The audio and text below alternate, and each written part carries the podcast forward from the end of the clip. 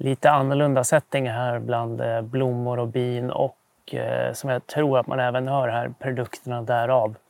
Vi är eh, två familjer här på landstället och det, det märks. Det, det känns. Jag tänkte idag att jag skulle prata om en, en ny studie på en, en pryl. Och prylen i det här fallet är Stride. Så det är ingen ny pryl utan den har funnits ganska länge och sedan ett antal år nu så har det varit en liten grej som man sätter fast på sin löparsko. Eh, liksom man knyter fast den i, i snörena i princip. Då. Tidigare så har det varit ett band som man har burit runt kroppen och sådär men de, de nyare modellerna sedan ganska många år nu är en sån här liten footpad. Eh, jag har haft en sån någon gång. Jag vet inte om jag har kvar den. Eh, men jag har inte med den så att jag kan visa. Men den är väl typ sådär stor och väger liksom försumbar eh, vikt. Och det den gör egentligen, alltså USPen med den är att den ska kunna ge effektutvecklingen vid löpning. Så att inom cykling så är det väldigt lätt att omvandla det mekaniska arbetet man gör till en effekt eller liksom att mäta effekten som man trycker in i cykeln då.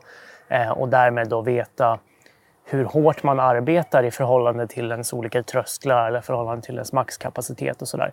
Vilket man då som, så, såklart kan använda i, eh, i ens träning då, till exempel då, för att övervaka hur ansträngande olika pass har varit eller ett lopp har varit eller någonting sånt där. Så det använder i stort sett alla seriösa cyklister idag.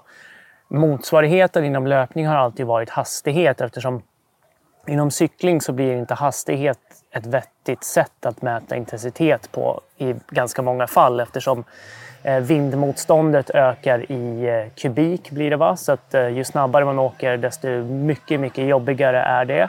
Trots att hastigheten bara ökar lite så kan intensiteten öka väldigt mycket. Hastigheten kan skilja väldigt mycket om du kör då uppför eller om du kör utför eller på plan mark. Och liksom själva vinden, alltså vindens påverkan på cyklingen blir väldigt stor samt att eh, vad heter det, drafting-effekten blir väldigt stor. Så att ligger du på rulle på någon så kan du åka väldigt snabbt utan att det är minsta jobbigt. Eh, kontra då om du kör själv då, om, de, om du har personen bakom dig till exempel så kan det vara väldigt mycket jobbigare. Så hastighet är inte särskilt användbart inom cykling och därför har effekt då varit mycket mer användbart. Innan effektutveckling eller effektmätare så använder man sig mycket mer av pulsmätare inom cykling som ett sätt att bevaka den interna belastningen på kroppen. Då. Nu går han igång med, med sin eh, maskin där, men det, det, får ni leva med. Inom löpning däremot så har hastighet alltid varit väldigt användbart därför att det översätts ganska direkt till intensitet. Så till exempel drafting-komponenten blir inte märkbart under eh, 20 km i timmen i stort sett och det är ganska sällan som man kommer över det. Det är, liksom, det är medeldistanslöpning, där blir det verkligen påtagligt. Och som vi har sett då med Nikes Breaking 2-försök och sen senare då Ineos-försöket så har vi sett att det spelar roll även på maratondistanser. Men det är ju då man springer väldigt, väldigt fort. Liksom. Eh, alltså fortare än de allra flesta av oss gör. Och då, även då är det en mycket mindre komponent jämfört med i cyklingen. Då. Om du sitter i en klunga i cykling så är det en massiv komponent. Liksom. Det är det inte i löpning. Eh, och sen så är det oftast inte lika mycket klättringar vilket innebär att eh, liksom, du har inte lika mycket uppförslutning eller utförslutning att ta hänsyn till. De skillnaderna däremellan blir inte riktigt lika stora. Eh, och riktningen spelar inte heller riktigt lika stor roll utan eftersom man rör sig på så låga hastigheter så blir, så blir hastigheten ganska översättbar till intensitet. Men USPen med Stride har liksom varit att man ska kunna förfina det här ytterligare och kunna liksom ta hänsyn till till exempel vindmotstånd eller att du springer uppför eller den typen av grejer. Då. Genom, att, genom en algoritm och accelerometerdatan som man får in då från den här footpaden kunna beräkna då effektutvecklingen som du har för tillfället. Och då din eh, critical power i det fallet istället för critical speed. Då. Och det är det den här nya studien avhandlar. Då. Den avhandlar egentligen validiteten på Strides algoritm kan man säga. Så den förutsätter att datan som Stride samlar in är relevant, alltså att man faktiskt får en effektutveckling som är åtminstone stabil, även om den kanske inte är helt sann. Det vet man inte. Utan man utgick i den här studien helt från den här effektutvecklingen som, eh, som eh, grejen samlade in. Och sen gav man den här till då ett antal löpare på rätt hög nivå. Vissa var liksom internationella löpare. Och så fick de ha det här i sex veckor och de blev tillsagda att köra några olika pass till max för att man skulle då kunna ta reda på critical power på riktigt, som man brukar göra. Så att du kör ett antal tidsintervall till utmattning, eller att du kör dem så snabbt du kan och sen så genom den datan så kan du beräkna din critical power. Då.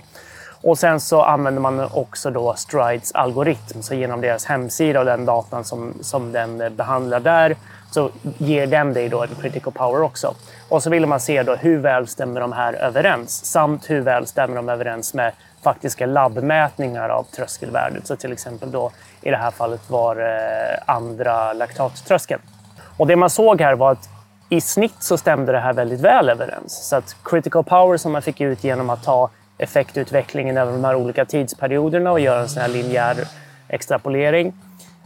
Den stämde väldigt väl överens i snitt med effektutvecklingen som Stride gav dig genom deras algoritm. Då, och det stämde även i snitt då överens med andra laktattröskeln, då, så din, din faktiska tröskel. Problemet var bara här att det var en väldigt stor spridning här. Så att i vissa fall, så låt säga att en person hade 250 watt i sin, eh, i sin, eh, som sin critical power så kunde det skilja liksom 50-75 watt för den personen över eller underskattning för Strides algoritm i förhållande till den faktiska critical powern som man räknade ut då.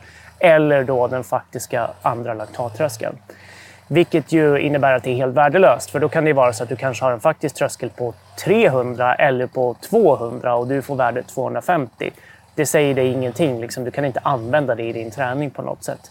Så det, som sagt, det man testade här var egentligen då Strides egna algoritm för att se hur väl funkar den för att beräkna din critical power. Och i snitt, absolut, tar du 20 löpare och utsätter dem för det här så kommer du liksom få så många fel upp som fel ner och därmed kommer du i snitt få liksom ett korrekt värde. Men för varje individ så vet du inte om du har över eller underskattat den. Och då kommer du i slutändan behöva kalibrera om det här själv då och säga att ah, det här är alldeles svårt, jag behöver sänka intensiteten. Och då kan du lika gärna skita i den här. Du kan lika gärna skita i att använda dig av Strides data överhuvudtaget. Så Stride och andra sådana här, eh, min Polarklocka här gör samma grej fast från armen då, vilket liksom eh, beats me hur fan den får fram någon form av effektutveckling där. Men det den har sagt mig när jag har använt liksom den här och när jag har använt eh, Stride-grejen då, det är att det stämmer fortfarande ganska väl överens med hastighet. Så att om du liksom får fram ett hastighetsmått eller tittar på din hastighet över passet så kommer det vara ganska lika som effektutvecklingen. Och det är rätt rimligt just av de anledningarna som jag sa. Att det är liksom, vindfaktorn är inte en så stor grej. Så länge du inte springer jättemycket uppför eller nerför så kommer det liksom vara att hastigheten reflekterar din intensitet ganska bra. Och då kan du ju liksom lika gärna använda dig av critical speed istället för critical power om du ska styra din träning. Och eh, som av en händelse har jag då skrivit en bok eh, som går igenom lite då hur du tar fram din critical speed och sen också vad du kan använda den till och vad den innebär rent fysiologiskt och i förhållande till andra sätt att ta reda på din andra tröskel.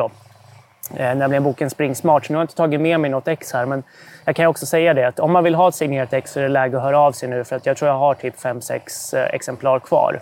Och det är ungefär vad som har gått på en vecka. Så, så fort du ser det här får du jättegärna höra av dig om det är så att du vill ha ett signerat ex så hoppas jag att vi ska kunna lösa det. Det var allt för idag. Vi ses och hörs eh, i Bohuslän tror jag att jag kommer vara nästa gång jag sitter och pratar in i kameran. Så vi ses då.